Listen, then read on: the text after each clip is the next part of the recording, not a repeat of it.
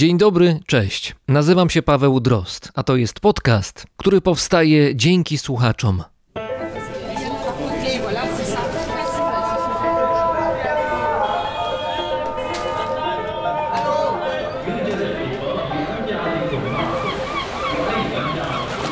Brzmienie świata z lotu Drozda.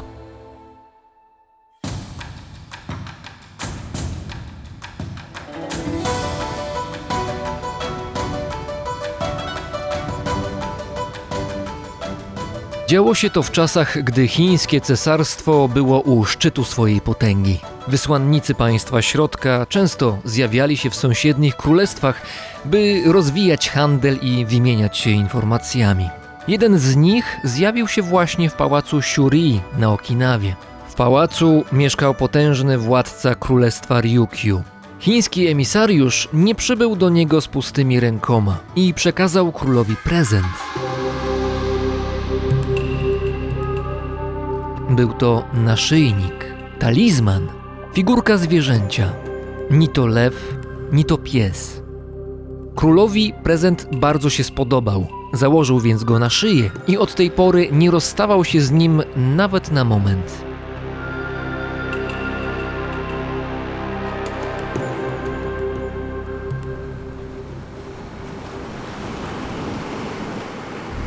Tymczasem nad morzem, w rybackiej wiosce w pewnym oddaleniu od pałacu Shuri, mieszkańcy żyli w strachu.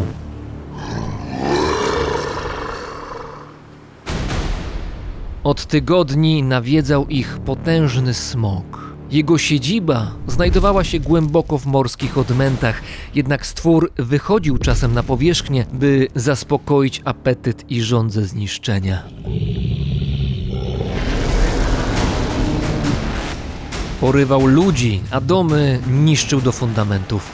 Jego rozmiar i siła paraliżowały wieśniaków.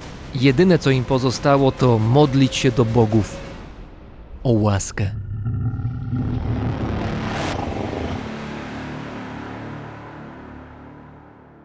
Któregoś dnia władca królestwa Ryukyu wybrał się w podróż po wyspie. Jego orszak przejeżdżał akurat wzdłuż wybrzeża, gdy morski smok wynurzył łeb ze spienionej wody i z zimnym spojrzeniem skierował się ku rybackiej wiosce. Przerażeni ludzie szukali schronienia.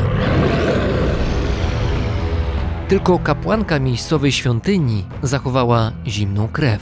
Pamiętała swój sen – Duchy powiedziały jej, że ma oczekiwać przybycia króla, a gdy ten zjawi się w okolicy, ma stanąć na plaży naprzeciw smoka i skierować ku niemu swój talizman. Kapłanka wiedziała, że ma mało czasu. Natychmiast wysłała Cigę, chłopaka, który biegał najszybciej z całej wioski, by jak najszybciej przekazał królowi wiadomość. Król był zaskoczony, ale postanowił wypełnić instrukcje otrzymane od kapłanki. Stanął na plaży. Smok był tuż, tuż. A wtedy król szybkim ruchem ręki wyciągnął ukryty pod ubraniem naszyjnik razem z figurką zwierzęcia i podniósł go do góry.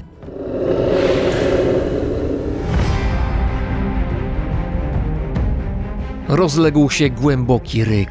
Ryk tak potężny, że przetoczył się przez całą wioskę i dotarł aż do nieba. Źródłem ryku nie był smok. To ryczał Sisa, zaklęty w królewskim talizmanie pół lew, pół pies. Ryk był tak donośny, że drżało powietrze. Wyzwoloną potęgę odczuł nawet smok, który zadrżał zaskoczony. Nagle, daleko w chmurach, dało się słyszeć trzaski i z nieba spadła masywna skała, przygniatając smokowi ogon.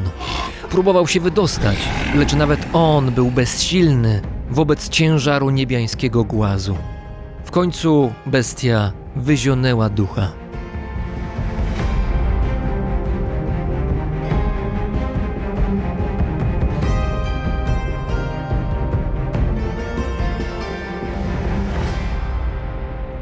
Niektórzy mówią, że na ciele tego smoka wyrósł las, który do dzisiaj można oglądać na Okinawie. Inni mówią, że to jedna z małych wysp na wybrzeżu. Pewne jest za to, że od tamtej pory Shisa pół lew, pół pies, strzeże mieszkańców archipelagu. I tak jest do dzisiaj. Sisa pojawi się jeszcze w tym odcinku. To już za chwilę. Ale najpierw podziękowania. Jak wiecie, brzmienie świata powstaje i istnieje dzięki zbiórce na Patronite. Liczba tych z Was, którzy postanowili wspomóc mnie wpłatą, liczba patronów, przekroczyła właśnie symboliczną liczbę tysiąca osób. Bardzo, bardzo Wam dziękuję. I specjalnie dla Was, z wdzięcznością i dobrymi życzeniami ode mnie, ta piosenka.「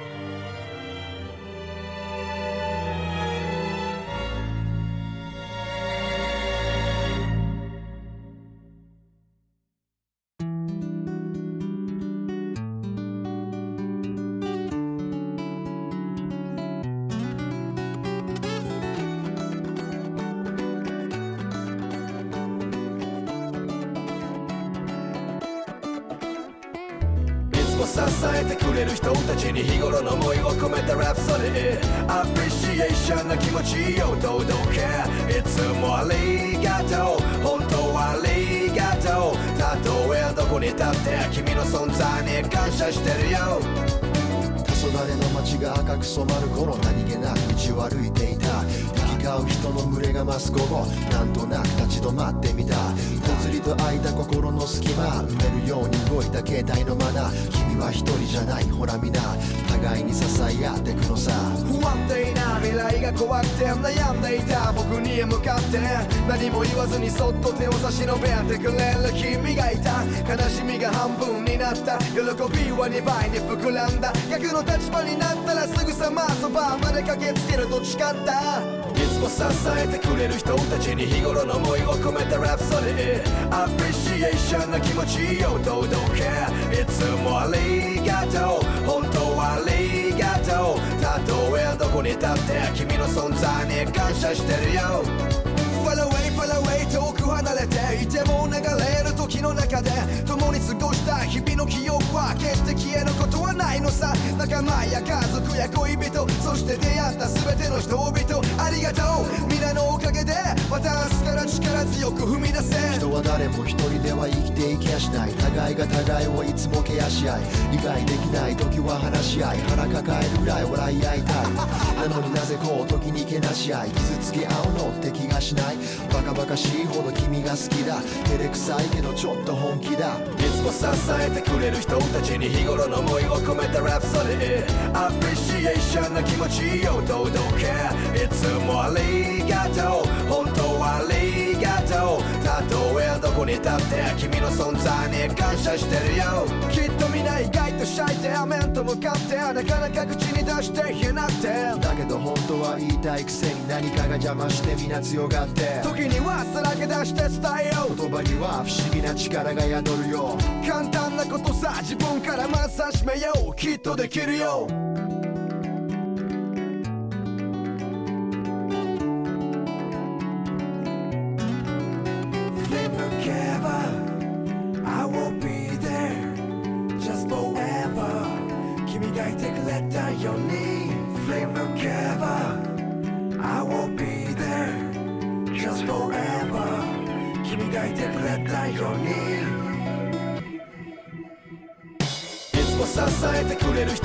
に日頃の思いを込めたラプソディアプリシエーションな気持ちを届けいつもありがとう。本当はありがとう。たとえどこに立って君の存在に感謝してるよ。いつも支えてくれる人たちに日頃の思いを込めたラプソディアプリシエーションな気持ちを届けいつもありがとう。本当はありがとう。たとえどこに立って君の存在に感謝してるよ「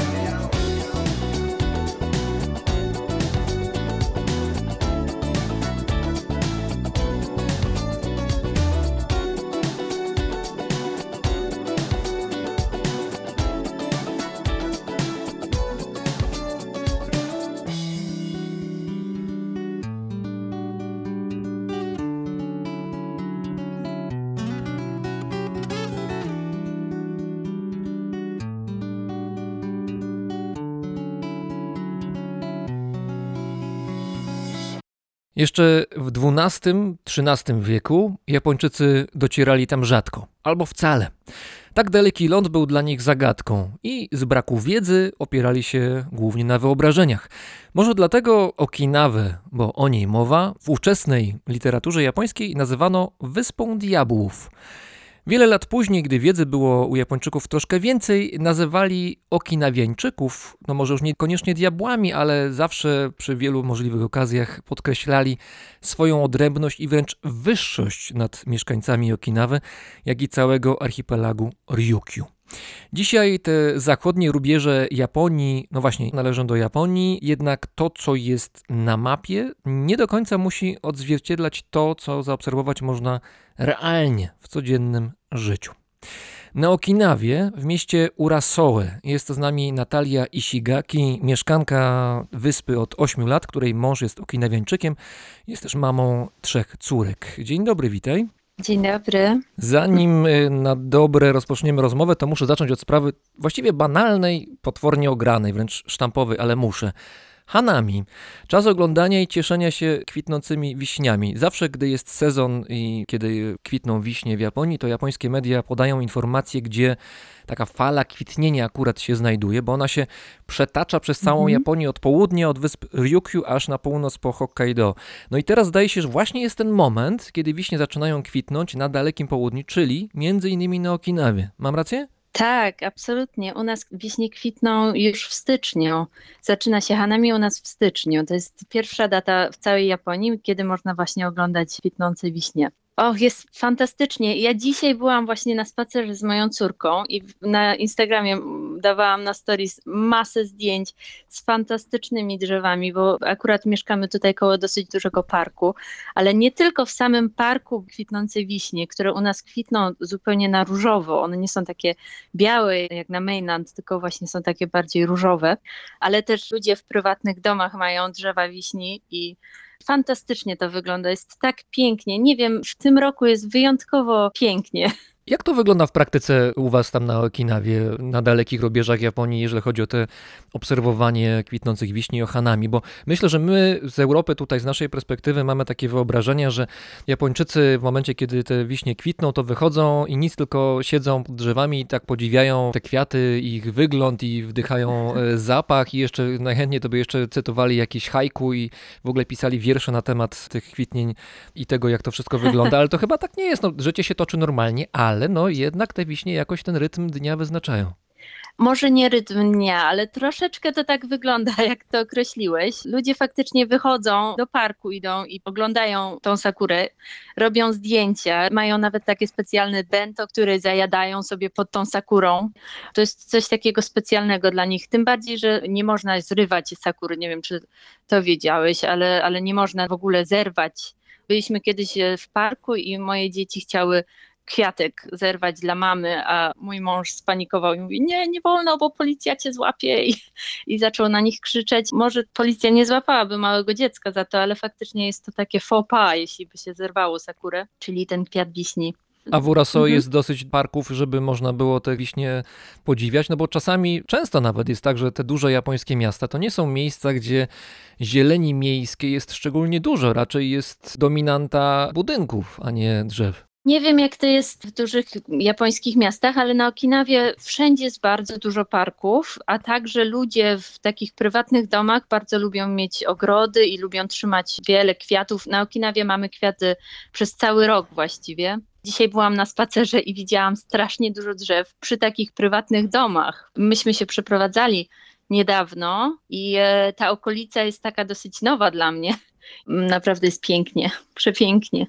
Kwitnienie drzew owocowych, nie tylko wiśnie, ale też choćby śliw, czy pewnie jabłoni, to jest znakomity widok i można się tym cieszyć, korzystać z tego widoku, ja to rozumiem. I w Polsce będziemy tego doświadczać za jakieś 2-3 miesiące powoli. Tylko, że obraz takiej sielanki, spokoju na Okinawie jest jakoś też trochę zaburzony, jak mi się wydaje. I to nie od wczoraj. Mam na myśli tutaj amerykańskie bazy wojskowe. Po II wojnie światowej Stany Zjednoczone zainstalowały swoje bazy w całym kraju, w całej Japonii, ale 70% z nich znajduje się właśnie na Okinawie. A to nie jest przecież jakoś szczególnie duża wyspa. Czy wobec tego te bazy wpływają na realność, na codzienność okinawiańczyków, na twoją realność, na oglądanie wiśni? Absolutnie. Czy to jest tak, że samoloty latają nad, nad płatkami wiśni i jednak troszkę jest takie poczucie, że coś jest nie tak? Och, te bazy to jest duży problem dla nas i powiem Ci, że największy osobiście dla mnie problem to właśnie są te latające samoloty, bo robią straszny hałas i e, czasem próbuję położyć dzieci do spania, a oni potrafią przylecieć zaraz przy moim oknie strasznym łomotem około 11 w nocy. Niczym się nie martwią. To są często myśliwce prostu- wojskowe, prawda? To F-16, F, nie Tak. wiem, jakieś inne F-y pewnie latają tam. To i jeszcze te Ospreje. Osprey to jest taki helikopter specjalny. A, tak, tak. to robi straszny hałas. Oprócz tego, że jest to głośne, to także jest to dosyć niebezpieczne, bo te samoloty, helikoptery miały wypadki i gdzieś tam e, Z tego, jakieś co części pamiętam, odłamane. między Mhm. 1972 rokiem, kiedy Okinawa wróciła, bo była okupowana przez Amerykanów, kiedy Mhm. wróciła do Japonii formalnie, do roku chyba 2015 naliczono, Mhm. to są dane oficjalne japońskie z prefektury Okinawa, naliczono chyba 676 wypadków z udziałem wojskowych maszyn amerykańskich, lotniczych maszyn. Mm. Także to jest realny problem. Tak, tak. I nawet jeden cały helikopter wpadł na uniwersytet, też czasem w takim miejscu, gdzie domy, ludzie mieszkają, też te helikoptery rozbijały się. Także to jest dosyć duży problem tutaj. No a tak na co dzień to faktycznie ten hałas jest dosyć męczący, szczerze powiedziawszy. Oprócz tego bazy zajmują strasznie dużo miejsca. I ja na przykład, żeby podjechać do znajomej mojej, która mieszka wcale nie tak daleko ode mnie, to muszę objechać całkiem dookoła, bo nie mogę przejechać przez teren bazy, która znajduje się w centrum miasta. Także to jest takie męczące dla okinawiańczyków, no bo wiadomo, to też tworzy korki. Nie można gdzieś bezpośrednio dojechać, tylko trzeba właśnie objeżdżać wszystkie bazy. Dodatkowo, jak chce się kupić dom, chce się kupić ziemię, to ta ziemia też jest strasznie droga, bo baza zabiera dużo miejsca. Ja byłam na bazie, bo czasami się chodzi na zakupy, czy, czy tam odwiedzić znajomych, którzy mieszkają na bazie, to faktycznie można tam wjechać, to trzeba mieć specjalne na to pozwolenie. Ale na zakupy do bazy mają- wojskowej to kupujesz helikoptery, bazuki i karabiny maszynowe, czy coś innego? O nie, nie, no oni tam mają specjalne takie sklepy, gdzie tylko ci żołnierze i ich żony i, i całe rodziny, bo tutaj oni z całymi rodzinami mieszkają, oni tam kupują na tej bazie produkty, które są w cenie amerykańskiej, która jest dużo, dużo niższa niż ta japońska. Bo generalnie te bazy wojskowe dużo- to są takie właściwie małe miasteczka, prawda? To znaczy one są niezależne zupełnie, Zupełnie tak. funkcjonują, mogłyby się zamknąć murem w 100% ze wszystkich stron, nie wypuszczać ani nie wpuszczać nikogo i by sobie spokojnie poradziły. Tak, i tak teraz troszeczkę jest przez tą pandemię.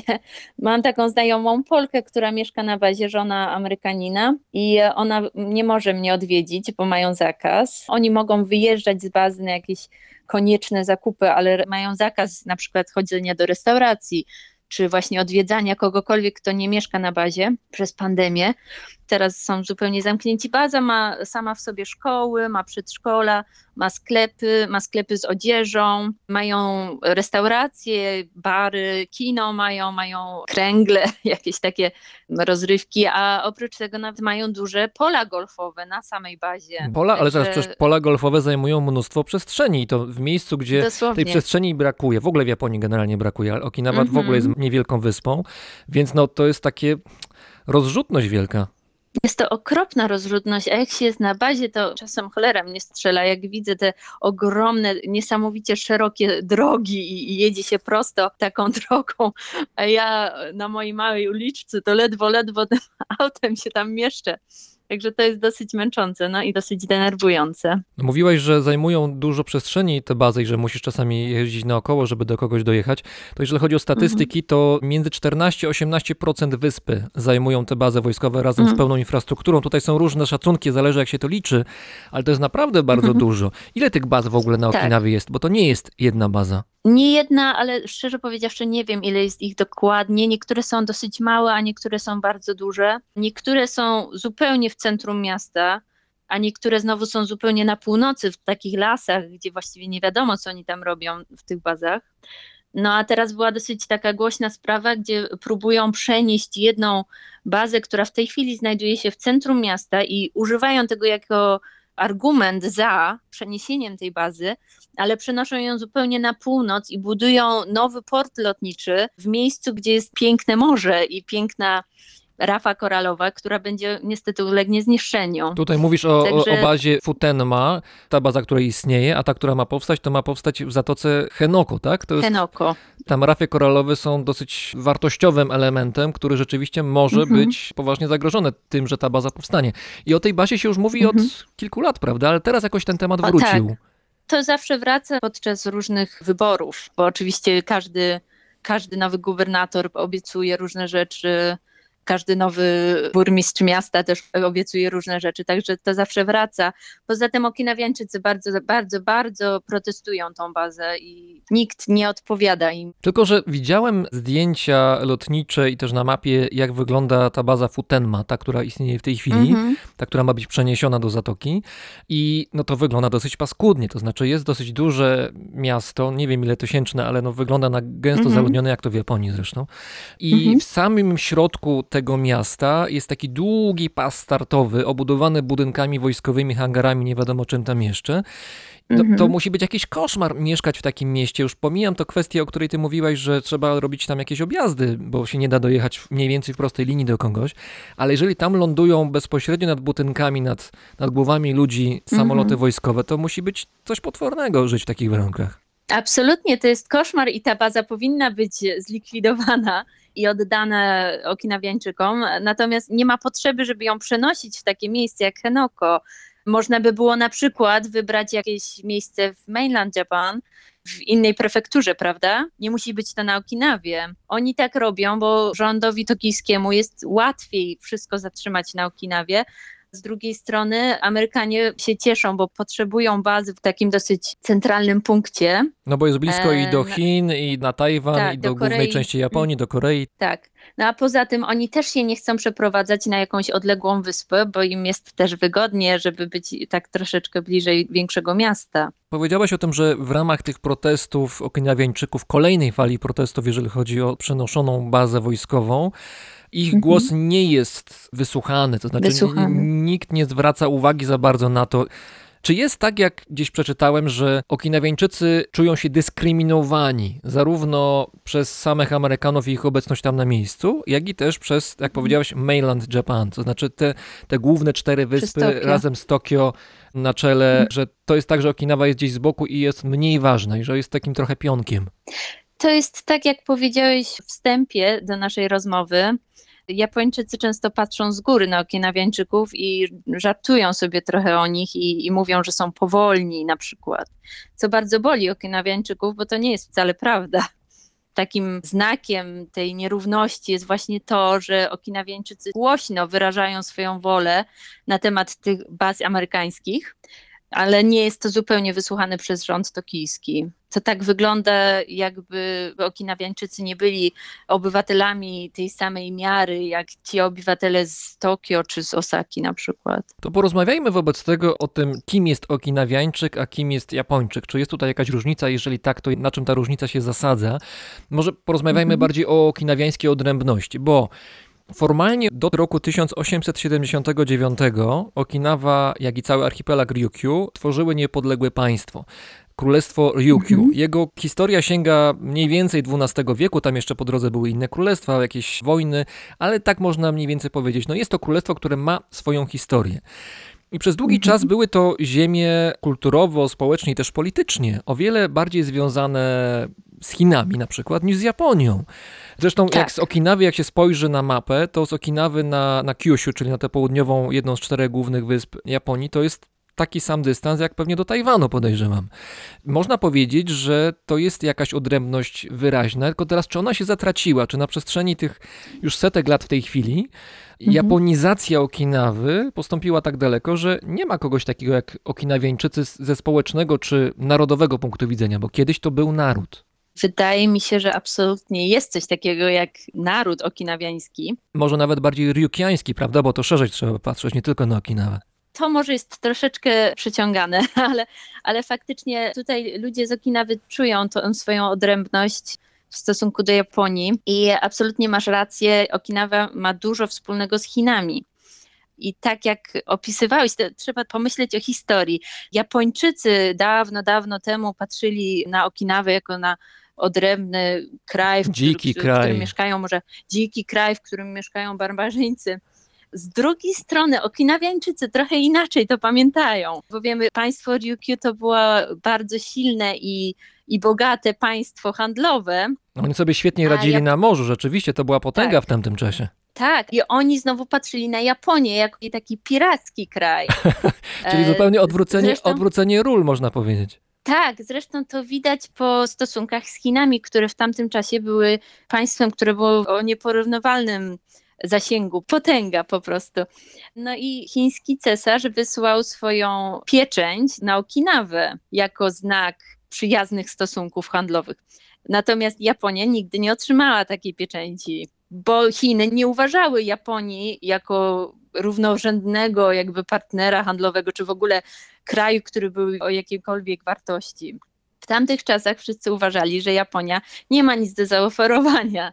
Jest właśnie takim krajem barbarzyńców. Okinawiańczycy dotąd to pamiętają i czują to bardzo silnie, tą nierówność, że w tej chwili się wszystko odwróciło, prawda? I Japonia jest tą potęgą, która uważa, że Okinawa jest powolna i słaba. Ale trzeba jedno powiedzieć, że Japończycy mają rację w jednej kwestii, to znaczy w tym, że Okinawa jeszcze w XIX wieku i trochę tego zostało dzisiaj, to było miejsce na świecie, w regionie, które było dosyć zacofane pod wieloma względami. Po prostu tak się losy świata potoczyły, że Ryukyu czy Okinawa generalnie gdzieś się znalazły bardziej na marginesie, już nie było tak pięknie, nie było tak wspaniale, ta potęga zaczęła wyraźnie blednąć i w momencie, kiedy się Mhm. Japończycy pojawili i wchłonęli, anektowali Okinawę i Ryukyu swoje granice pod koniec XIX wieku, to oczywiście było trochę Mhm. protestów, było trochę żali, ale były też nadzieje na to, że, że te aspiracje do rozwoju większego, do polepszenia swojego stanu materialnego, gospodarczego i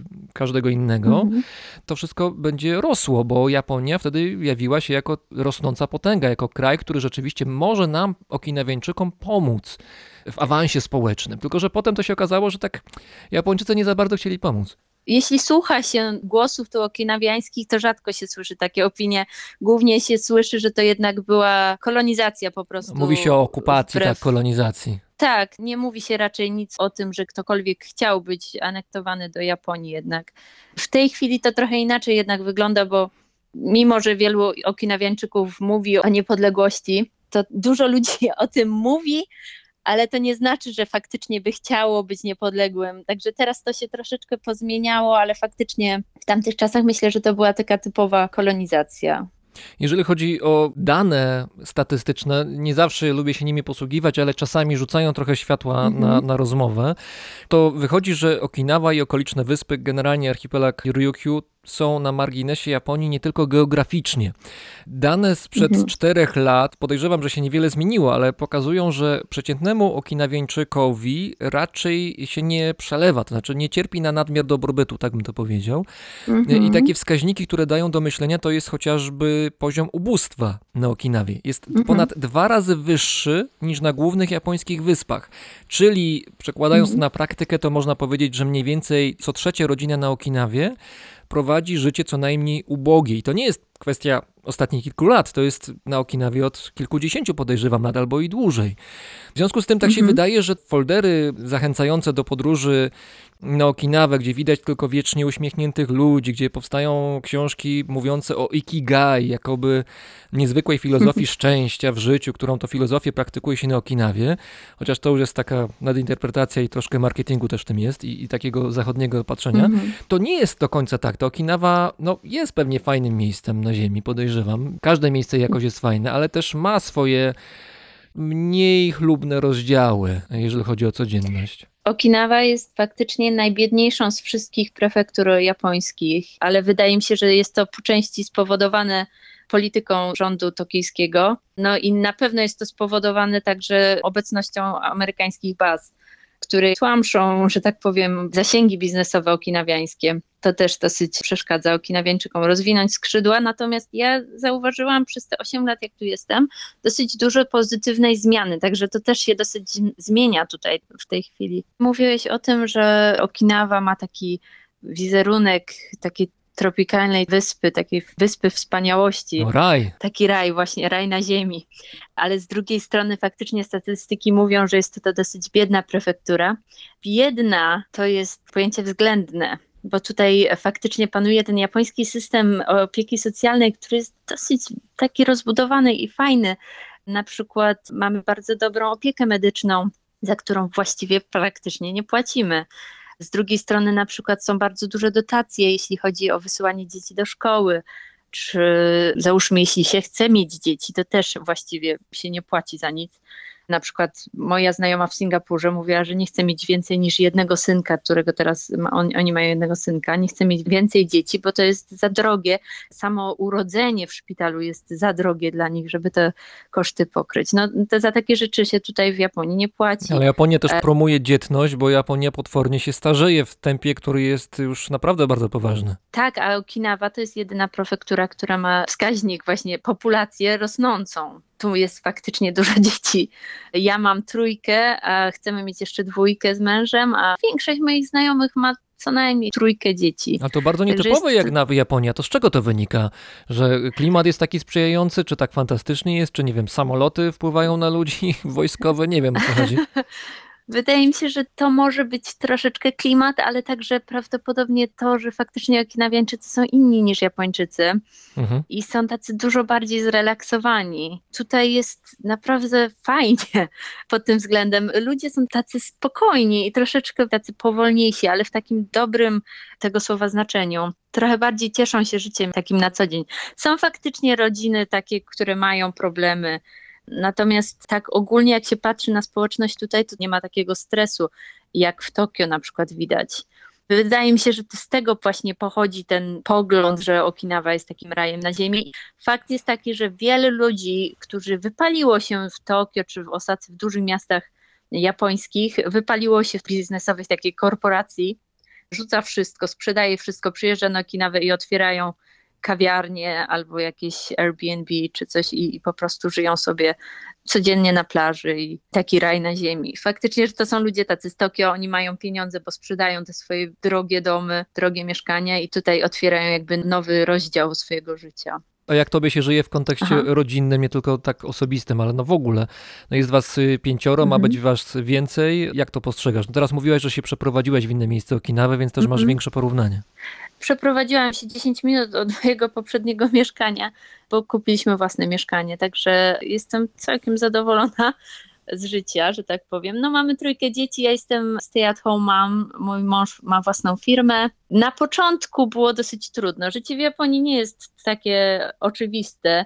Wydaje mi się, że szczególnie te wszystkie japońskie elementy na Okinawie są dosyć ciężkie do przeskoczenia kulturowo, bo sama kultura Okinawy jest bardziej bliska naszej takiej polskiej kulturze niż, niż ta japońska kultura. A co masz na myśli? O, na przykład brak elastyczności właściwie we wszystkim. Idzie się do urzędu, to oni nie są zbytnio przyjaźni. Teraz o Japończykach mówisz. Tak, tak. To znaczy to się przekłada, bo ta kultura się miesza, prawda? Już te, tak jak mówiłeś, Okinawa już należy do Japonii przez ponad 100 lat. Także ta kultura się wymieszała. W tej chwili Okinawiańczycy są w dużej części japońscy. Także nie są zbytnio elastyczni. Idzie się do restauracji, chce się zmienić cokolwiek w menu, to kelnerka patrzy na ciebie jak na głupiego i nie wie o co chodzi, dlaczego, dlaczego ty chcesz frytki zamiast, zamiast chleba, prawda? Także no, poza tym dla mnie osobiście najbardziej drażni mnie to w szkole. Moje dzieci chodzą do przedszkola czy do szkoły, no nie ma możliwości zmienienia niczego. Tak jak w Polsce to jest taka norma, że jak nie podoba ci się coś, na przykład dieta oferowana w przedszkolu, no to rodzice rozmawiają ze sobą i protestują albo mówią, czy jedno dziecko drugie ugryzie, to można rozmawiać z nauczycielką i próbować znaleźć jakieś porozumienie. Tutaj tego za bardzo nie robią i po prostu trzeba się dostosować do tego, jakie oni mają zasady. Na początku, jak moja pierwsza, najstarsza córka szła do przedszkola, to to był dla mnie dosyć taki kulturowy szok, bo mi się wydawało, że ja będę miała jakieś oczekiwania względem przedszkola i oni muszą się dostosować, że moja córka śpi od tej do tej godziny i że je tylko takie i takie rzeczy i nie może jeść słodyczy, a oni tutaj na deser dawali, no nie wiem, ciastka na przykład rocznemu dziecku. No to trochę rodzice mogą dostać cholery, tacy zagraniczni rodzice, którzy nie są przyzwyczajeni. Wróćmy jeszcze do kwestii tożsamości okinawiańskiej. Na Mhm. przykładzie twojego męża, jeżeli mogę. To znaczy, jak on siebie Mhm. postrzega jako Japończyka, Japończyka, czy Japończyka, okinawiańczyka, czy jeszcze jakoś inaczej? Ja z nim rozmawiałam na ten temat i on powiedział, że zdecydowanie czuje się okinawiańczykiem, że nie czuje się japoński wcale, a wcale. I powiedział też, że jego rodzina czy jego znajomi powiedzieliby raczej to samo. Natomiast gdy trochę przycisnęłam go, żeby, żeby pociągnął temat, to przyznał, że faktycznie jeśli chodzi o przynależność do Japonii, jaki jest jego stosunek do tego, to nie przeszkadza mu to aż tak bardzo i właściwie to wydaje mu się, że nie miałoby to żadnego sensu, żeby Okinawa uzyskała teraz jakąkolwiek autonomię. A jeżeli chodzi o kwestie językowe, bo Japonia Mhm. w ogóle jest znana z tego, że ma mnóstwo dialektów, a na Okinawie czy na Wyspach Ryukyu w ogóle jest to jeszcze bardziej skomplikowanie, bo te dialekty Mhm. właściwie to są języki. Jest tam ich chyba na samej Okinawie, na jednej wyspie chyba jest sześć takich języków. Z perspektywy Mhm. japońskiej to są dialekty, ale de facto to są języki, bo chyba jest tak, że okinawiańczyk w tych językach okinawiańskich by się z Japończykiem po japońsku tak normalnie nie dogadał za bardzo. Tak, mówi się dialekt, ale to jest tak naprawdę osobny język. Co więcej, nawet jeden dialekt okinawiański z drugim dialektem okinawiańskim nie jest bardzo zbliżony. Rodzina mojego męża pochodzi z takiej małej wyspy, która nazywa się Miyako. Właściwie jego tata pochodzi z Miyako, a jego mama pochodzi z jeszcze mniejszej wyspy, która jest zaraz koło Miyako. One są połączone mostem i ta wyspa się nazywa Irabu i oni mają zupełnie inny dialekt też. Także na przykład na wyspie mojego teścia mówi się tandiga tandi na dziękuję, a na wyspie mojej teściowej mówi się pukarasa. To zupełnie inaczej. Dziękuję Tak. sobie na różne sposoby. Tak, a znowu na, na Okinawie, tutaj w Naha, czyli w stolicy Okinawy, mówi się Nifedebiru.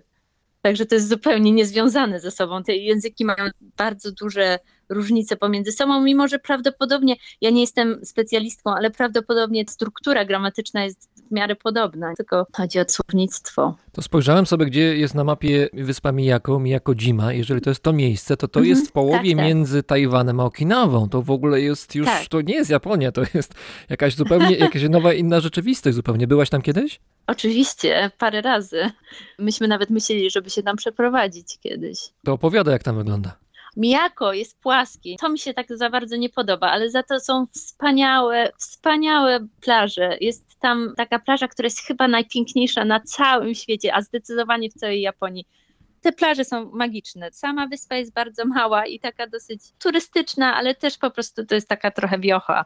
Pamiętam, jeszcze je, tego mostu nie było i pojechaliśmy na tą mniejszą wyspę, która się nazywa Irabu. Pojechaliśmy na Irabu statkiem i odebrał nas dziadek mojego męża. On jest takim biznesmenem z tej wyspy i ma strasznie dużo ziemi na obu wyspach. Już wtedy miał chyba ponad 70 ileś lat. No, jak na standardy, jak na standardy okinawiańskie, to nie jest dużo przecież. No, to jest taka norma, nie? Jeszcze młody człowiek odebrał nas takim wielkim, on ma takie auto, taką limuzynę auto i jedzie, jedziemy. Tak 20 kilometrów na godzinę, tak, przez pola. Chyba bym pobiegła szybciej, a on jeszcze mówi tak, och, dzisiaj e, właśnie wziąłem swoje lekarstwa, więc muszę jechać wolniej. Tak, a oni na tych wyspach już są przyzwyczajeni, że jak ktoś jedzie przed nimi, że nie wolno trąbić, czy, czy nie wolno ich wyprzedzać, tylko trzeba po prostu to wytrzymać i jechać strasznie powoli za nim, za tym drugim samochodem, bo to pewnie jest jakiś dziadek albo babcia, którzy no, będą prowadzić bardzo wolno. Koło wyspy Irabu widzę, że jest wyspa Shimoji-shima, taka mniejsza, zaraz obok, i Mhm. tam się znajduje. Staw Torike. Och, wspaniałe miejsce, tak. To jest taki staw, który jest zaraz koło morza. Jest dosyć głęboki, jak się, można tam zanurkować, zdaje się, i można też O. e, manty oglądać. Tam, tam jest dosyć dużo mant. Jest tam wspaniale i to jest takie miejsce, taki power spot. Miejsce mocel taki y, psychiczny, tak? Że czymś można się podładować, Tak. jakby człowiek chciał się z kosmosem połączyć. Dosłownie. I takich miejsc na całej Okinawie, na tych mniejszych wyspach i na samej Okinawa Honto jest bardzo, bardzo dużo. Mówi się, że Okinawa ma takie dosyć silne połączenie z niebiosami, z, z tym ponadnaturalnym światem. I to też ludzie z Japonii mówią o tym i często przyjeżdżają i odwiedzają te power spots, żeby się naładować. Jeszcze wracając do języka okinawiańskiego, jednego z kilku, to twoje dzieci uczą się w tej chwili tego języka, prawda? Rozumiem, że równolegle do japońskiego i pewnie też polskiego. Tak aktywnie nie uczymy, ale też nie zniechęcam ich oczywiście do tego. Nie ma jakichś takich kursów, gdzie mogłabym dzieci moje zapisać. Bardziej są takie kółka, gdzie faktycznie dzieci siedzą i pani czyta im książki w języku, w dialekcie. Ten język okinawiański niestety został wyplewiony przez Japończyków, którzy prowadzili dosyć silną politykę przeciwko językom okinawiańskim. Zresztą podobnie jak zaborcy w Polsce próbowali wyplewić język polski. Niestety im tutaj się to dosyć udało i w tej chwili tylko bardzo starzy ludzie potrafią cokolwiek powiedzieć, porozumiewają się w Uchinaguchi, czyli tym języku okinawiańskim. To jestem trochę zaskoczony, że okinawiańczycy, tak jak wydaje mi się, mają poczucie własnej Mhm. tożsamości i odrębności w stosunku do Japończyków, nie Mhm. starają się jakoś kultywować tego, co jest nośnikiem tej tożsamości zwykle dla każdego narodu, czyli języka. Też sama tego nie rozumiem, ale znowu też ta polityka japońska się zaczyna od szkoły, gdzie zakazano mówienia w dialekcie i bardzo piętnowano dzieci, które cokolwiek powiedziały w dialekcie. To od mojej teściowej nawet wiem, że tak było w jej własnej szkole. Ona była nauczycielką japońskiego w liceum, a jako dziecko faktycznie była, że tak powiem, linczowana za używanie dialektu. Nie? I to było na Miyako, tej małej wyspie co dopiero na tej Okinawa Honto, czyli w Naha czy Uraso, prawda? Ja jako Polka tego za bardzo nie rozumiem, bo myśmy też byli pod zaborami. Ja jestem z Poznania i jednak wszyscy bardzo dbali o język polski, prawda?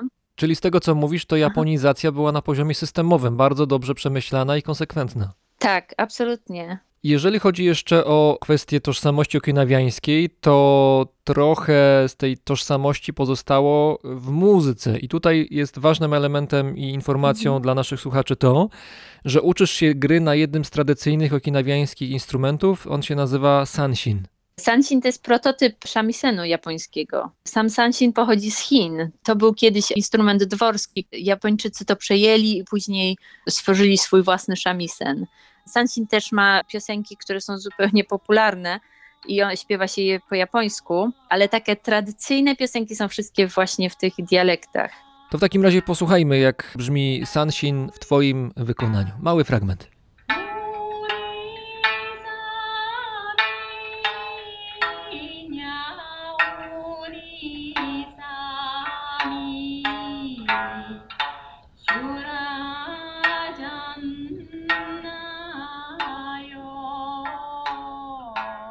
To jest taki instrument troszkę przypominający banjo, ale to jest brzmienie Mhm. zupełnie inne, prawda? Są trzy struny, inny też jest sposób gry, Tak. no, wszystko jest inne, troszkę tylko wygląd przypomina banjo.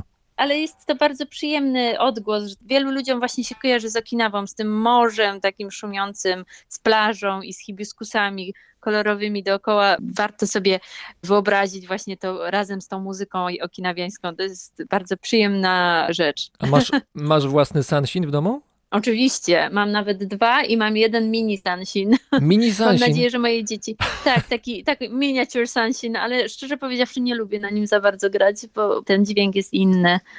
To teraz zadam, E, zadam tak. pytanie, na które mogę e, uzyskać kontrowersyjną nieco odpowiedź.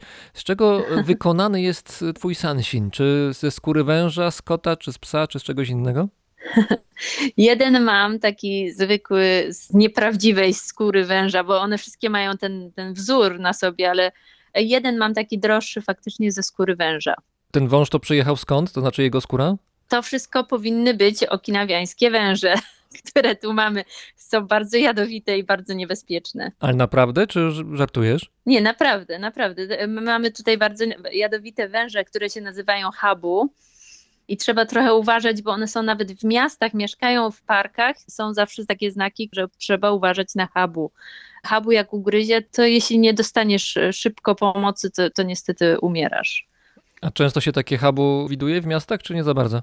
No w mieście to może nie aż tak często. Faktycznie można je zobaczyć, ale wszyscy znają, wiedzą jak habu wygląda, więc raczej uciekają, a jak ktoś zobaczy, to, to się dzwoni na taki specjalny numer i ktoś przychodzi, żeby tego habu złapać.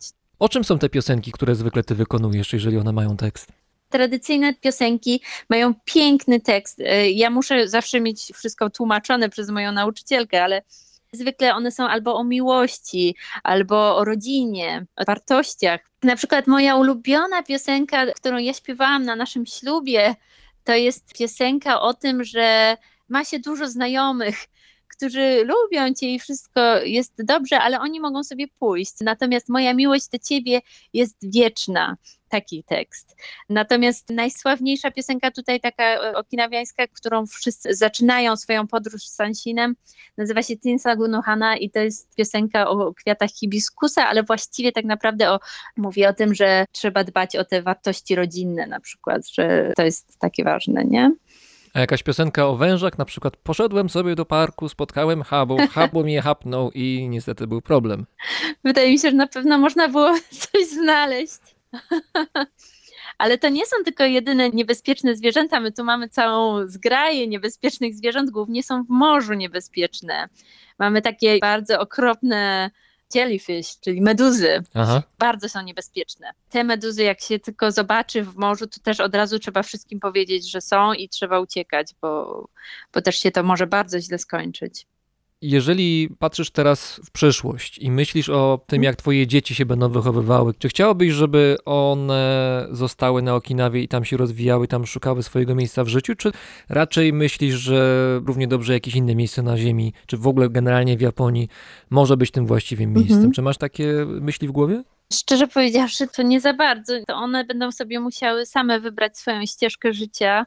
Tak jak ja wiem, że prawdopodobnie z mężem zostaniemy na Okinawie. Ja mam nadzieję, że przynajmniej jedna z nich pójdzie na studia na jakiś uniwersytet jak Cambridge albo Oxford albo Harvard. Ale to nie, nie, nie Uniwersytet Tokijski na przykład? Ach, wiesz co, te japońskie uniwersytety to nie są, nie są jakby moim marzeniem dla nich. Ale, z, ale z, z punktu widzenia poziomu, czy z innego powodu? No bo Tokijski na przykład uniwersytet uchodzi za bardzo prestiżowy. Tam podobno jak się no, o- człowiek dostanie, to tak. automatycznie ma już pracę zapewnioną, nawet jak jeszcze nie rozpoczął dobrze studiów. Tak, tylko pytanie, jaką pracę i czy to sprawi, że moje córki będą szczęśliwe? Trzeba myśleć bardziej o takim szczęściu ogólnym, a nie tylko o tym, żeby dostać się do jakiejś dobrze płatnej firmy, w której człowiek po prostu będzie pracować od 8 do 11 wieczorem i nie będzie za bardzo zadowolony ze swojego życia. Chcemy mieć piątkę dzieci, więc mam nadzieję, że przynajmniej jedno się zdecyduje, że zostanie z nami gdzieś blisko. Nie planuję tego za moje dzieci.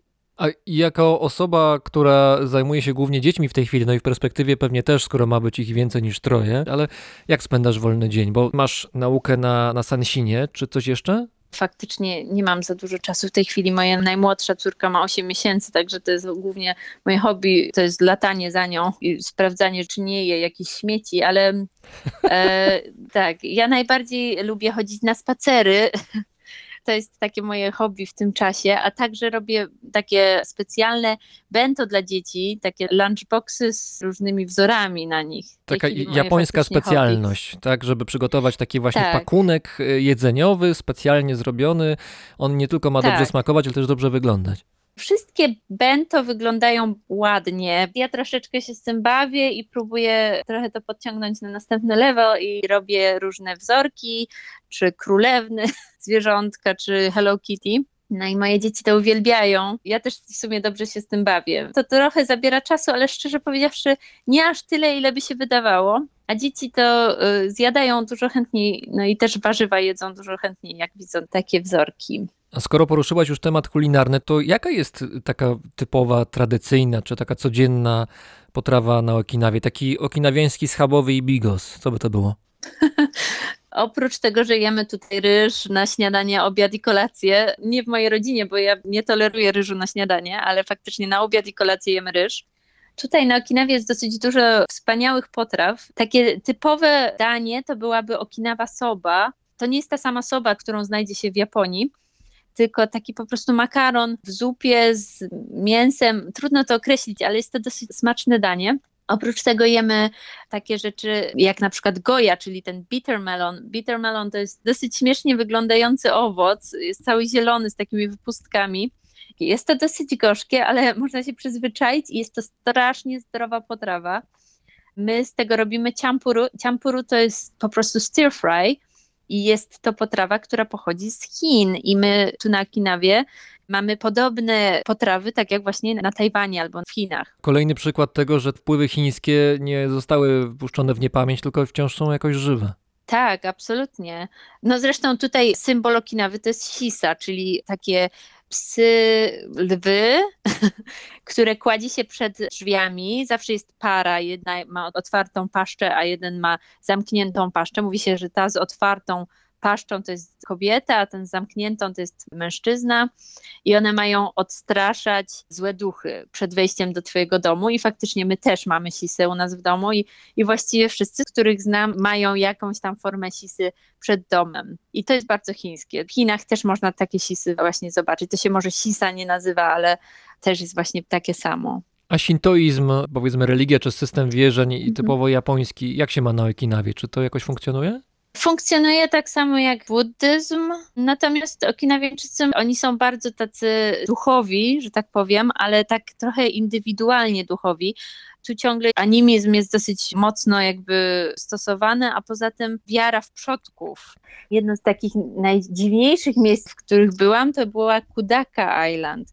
Wyspa Kudaka to jest taka wyspa, na którą właściwie Okinawiańczycy nie lubią jeździć. Wyspa bogów. Nie ma tam bardzo dużo ludzi, którzy tak mieszka na stałe, bo, bo jest to taka trochę wyspa owiana taką boskością. Mówiło się, że właśnie pałac Shuri miał jakiś widok właśnie na tą wyspę specjalnie dlatego, żeby pozyskać przychylność bogów, którzy właśnie z wyspy Kudaka przybywali. Jest to taki trochę skomplikowany system i bardzo różni się od miejsca do miejsca, od rodziny do rodziny nawet. To jak oni na to wszystko patrzą. Jest taki zestaw zasad, na przykład jak wprowadza się do nowego mieszkania, w którą stronę łóżko powinno stać. Trochę to jest podobne do feng shui, ale różni się pod paroma względami. A jak się wprowadzaliście, to zwracaliście uwagę, jaka była przeszłość tego miejsca, gdzie mieliście się wprowadzić? Czy czasem jakiegoś Yurei albo yokai, jakichś duchów, demonów i innych dziwnych stworów tam wcześniej nie Tak. było, tak? Absolutnie. I tutaj na Okinawie jest dużo miejsc, gdzie można zaobserwować właśnie zjawiska paranormalne. Ja co prawda nie widzę takich rzeczy, ale, ale ludzie, mój teść na przykład mówi, że on jest bardzo taki wrażliwy na takie rzeczy i sam wie, gdzie na przykład jest dobre miejsce, a gdzie złe miejsce. To nowe mieszkanie jest w miarę dobrym miejscem, natomiast zaraz koło nas jest świątynia i myśmy musieli pójść do tej świątyni i złożyć taką ofiarę, po prostu się pomodlić i powiedzieć, że przepraszamy, że się tu wprowadzamy. Naprawdę? Przepraszaliście za to? Tak.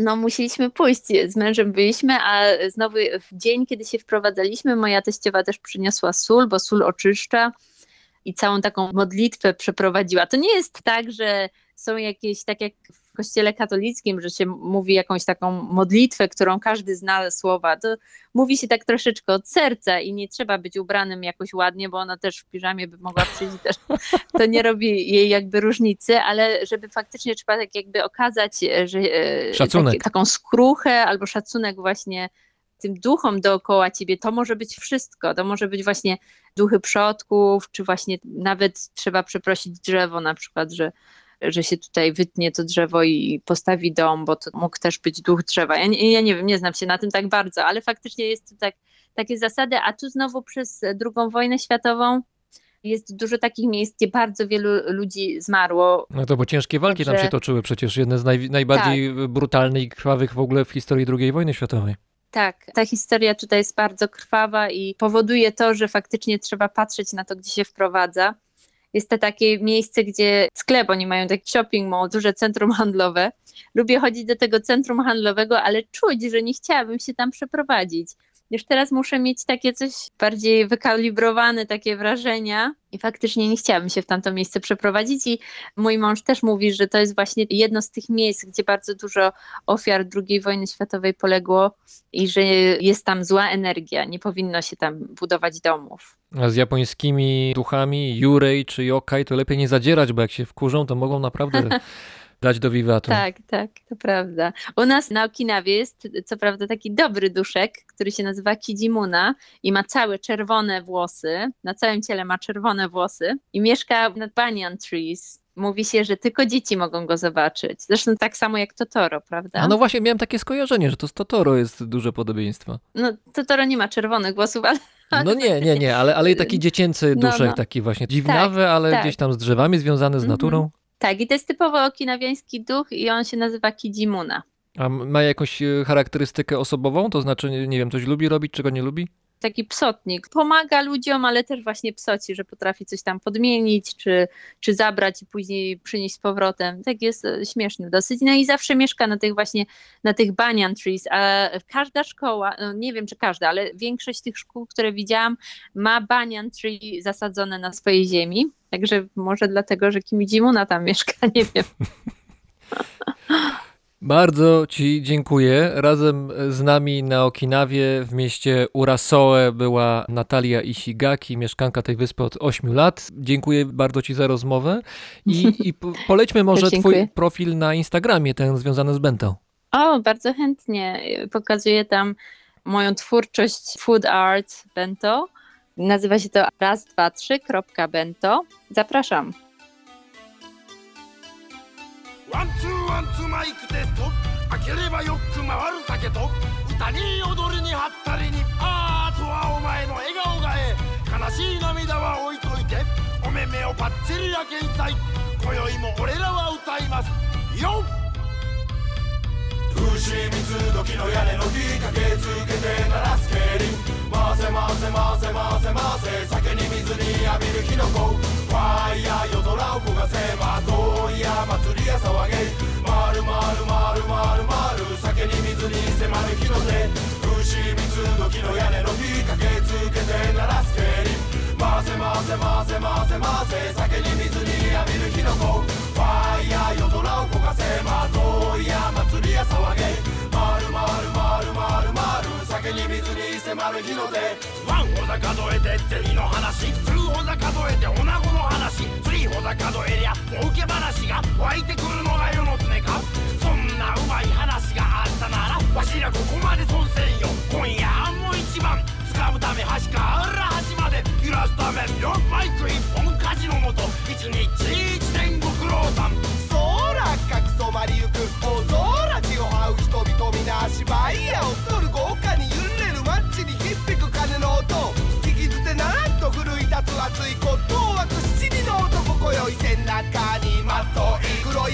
の誇りを身にまとい大阪大黒鳥まっといや。今から行くから待っとけや。西の空に煙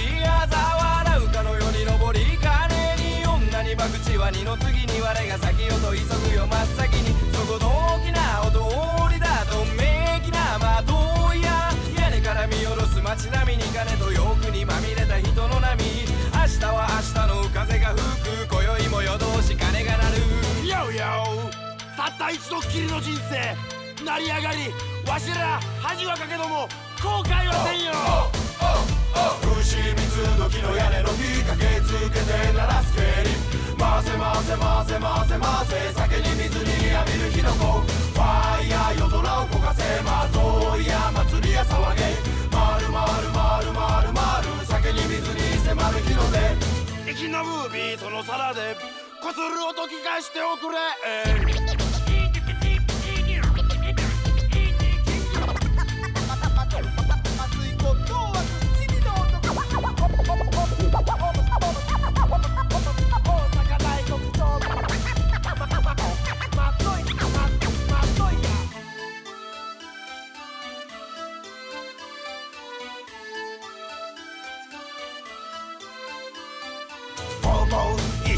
の海パンパン上がる火の怒りだんだん一面広がり火の粉浴びこる次から次へ祭り始まり席を立つ立つ立つ現場へ急行や一番手になったら男や三日月酒の上手そりゃ本能むき出しそりゃまとい穴の元騒げやそりゃ。舞い上がれこの場を揺らせらせ騒げ騒動を起こすことを響きさながら狂気乱舞激しく舞う火に身を投じ沸かす闘志握り拳は高くそう上げようさ両手しままさに声張れこの時祭りの花となれ一つ二つ重ね合わせばかでかい内なる大輪を咲かせまるまる豪華に踊る世の中めぐりめぐり回っててめえの番手か誰が言ったかよもす上か七人の男を集う。かスパー時の屋根の火かけ続けて鳴らす競輪回せ回せ回せ回せ回せ酒に水に浴びる火の粉ファイヤー夜空を焦がせば遠いや祭りや騒げ回る回る回る回る回る酒に水に迫る火の手牛三つ時の屋根の火かけ続けて鳴らす競輪回せ回せ回せ回せ回せ酒に水に浴びる火の粉ファイヤー夜空を焦がせ窓や祭りや騒げ回る回る回る回る回る酒に水に迫る火の手イェイイェイイェイイェイイェイイェイ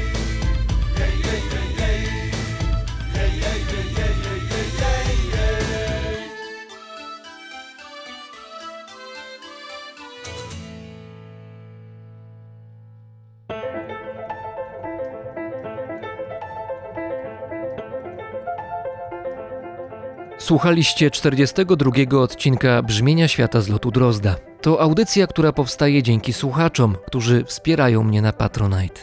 Liczba patronów przekroczyła właśnie tysiąc i wciąż rośnie za Waszą sprawą. Serdecznie dziękuję i polecam się na przyszłość na Patronite i w każdym kolejnym odcinku Brzmienia Świata.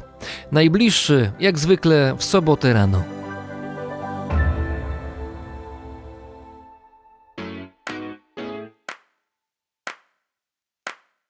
Paweł Drozd, czyli ja, mówi Wam dobrego dnia.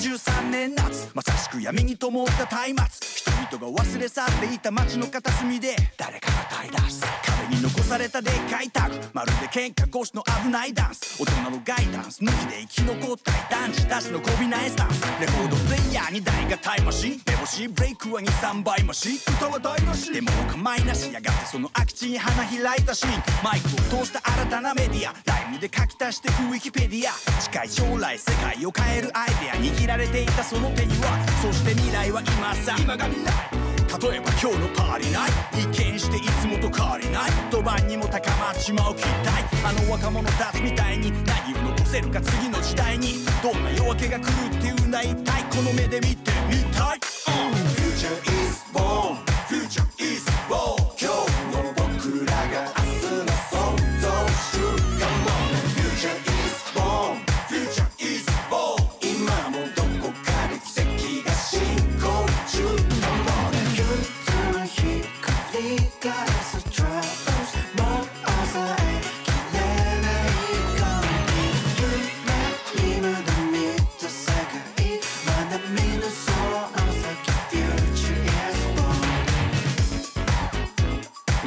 show you don't stop. その調子止まらないで Keep on, yo, to the beatbox. 踊ろうよ突っ立ってないで。さあ空に手を上げてバカみたいにブンブンフレア今なんかいいとか感じてるなら声出そうぜ。Oh yeah, oh yeah,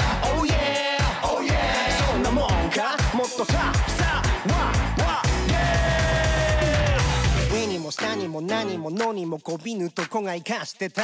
ドレミファにもソラシドにもこびぬとこが生かしてた。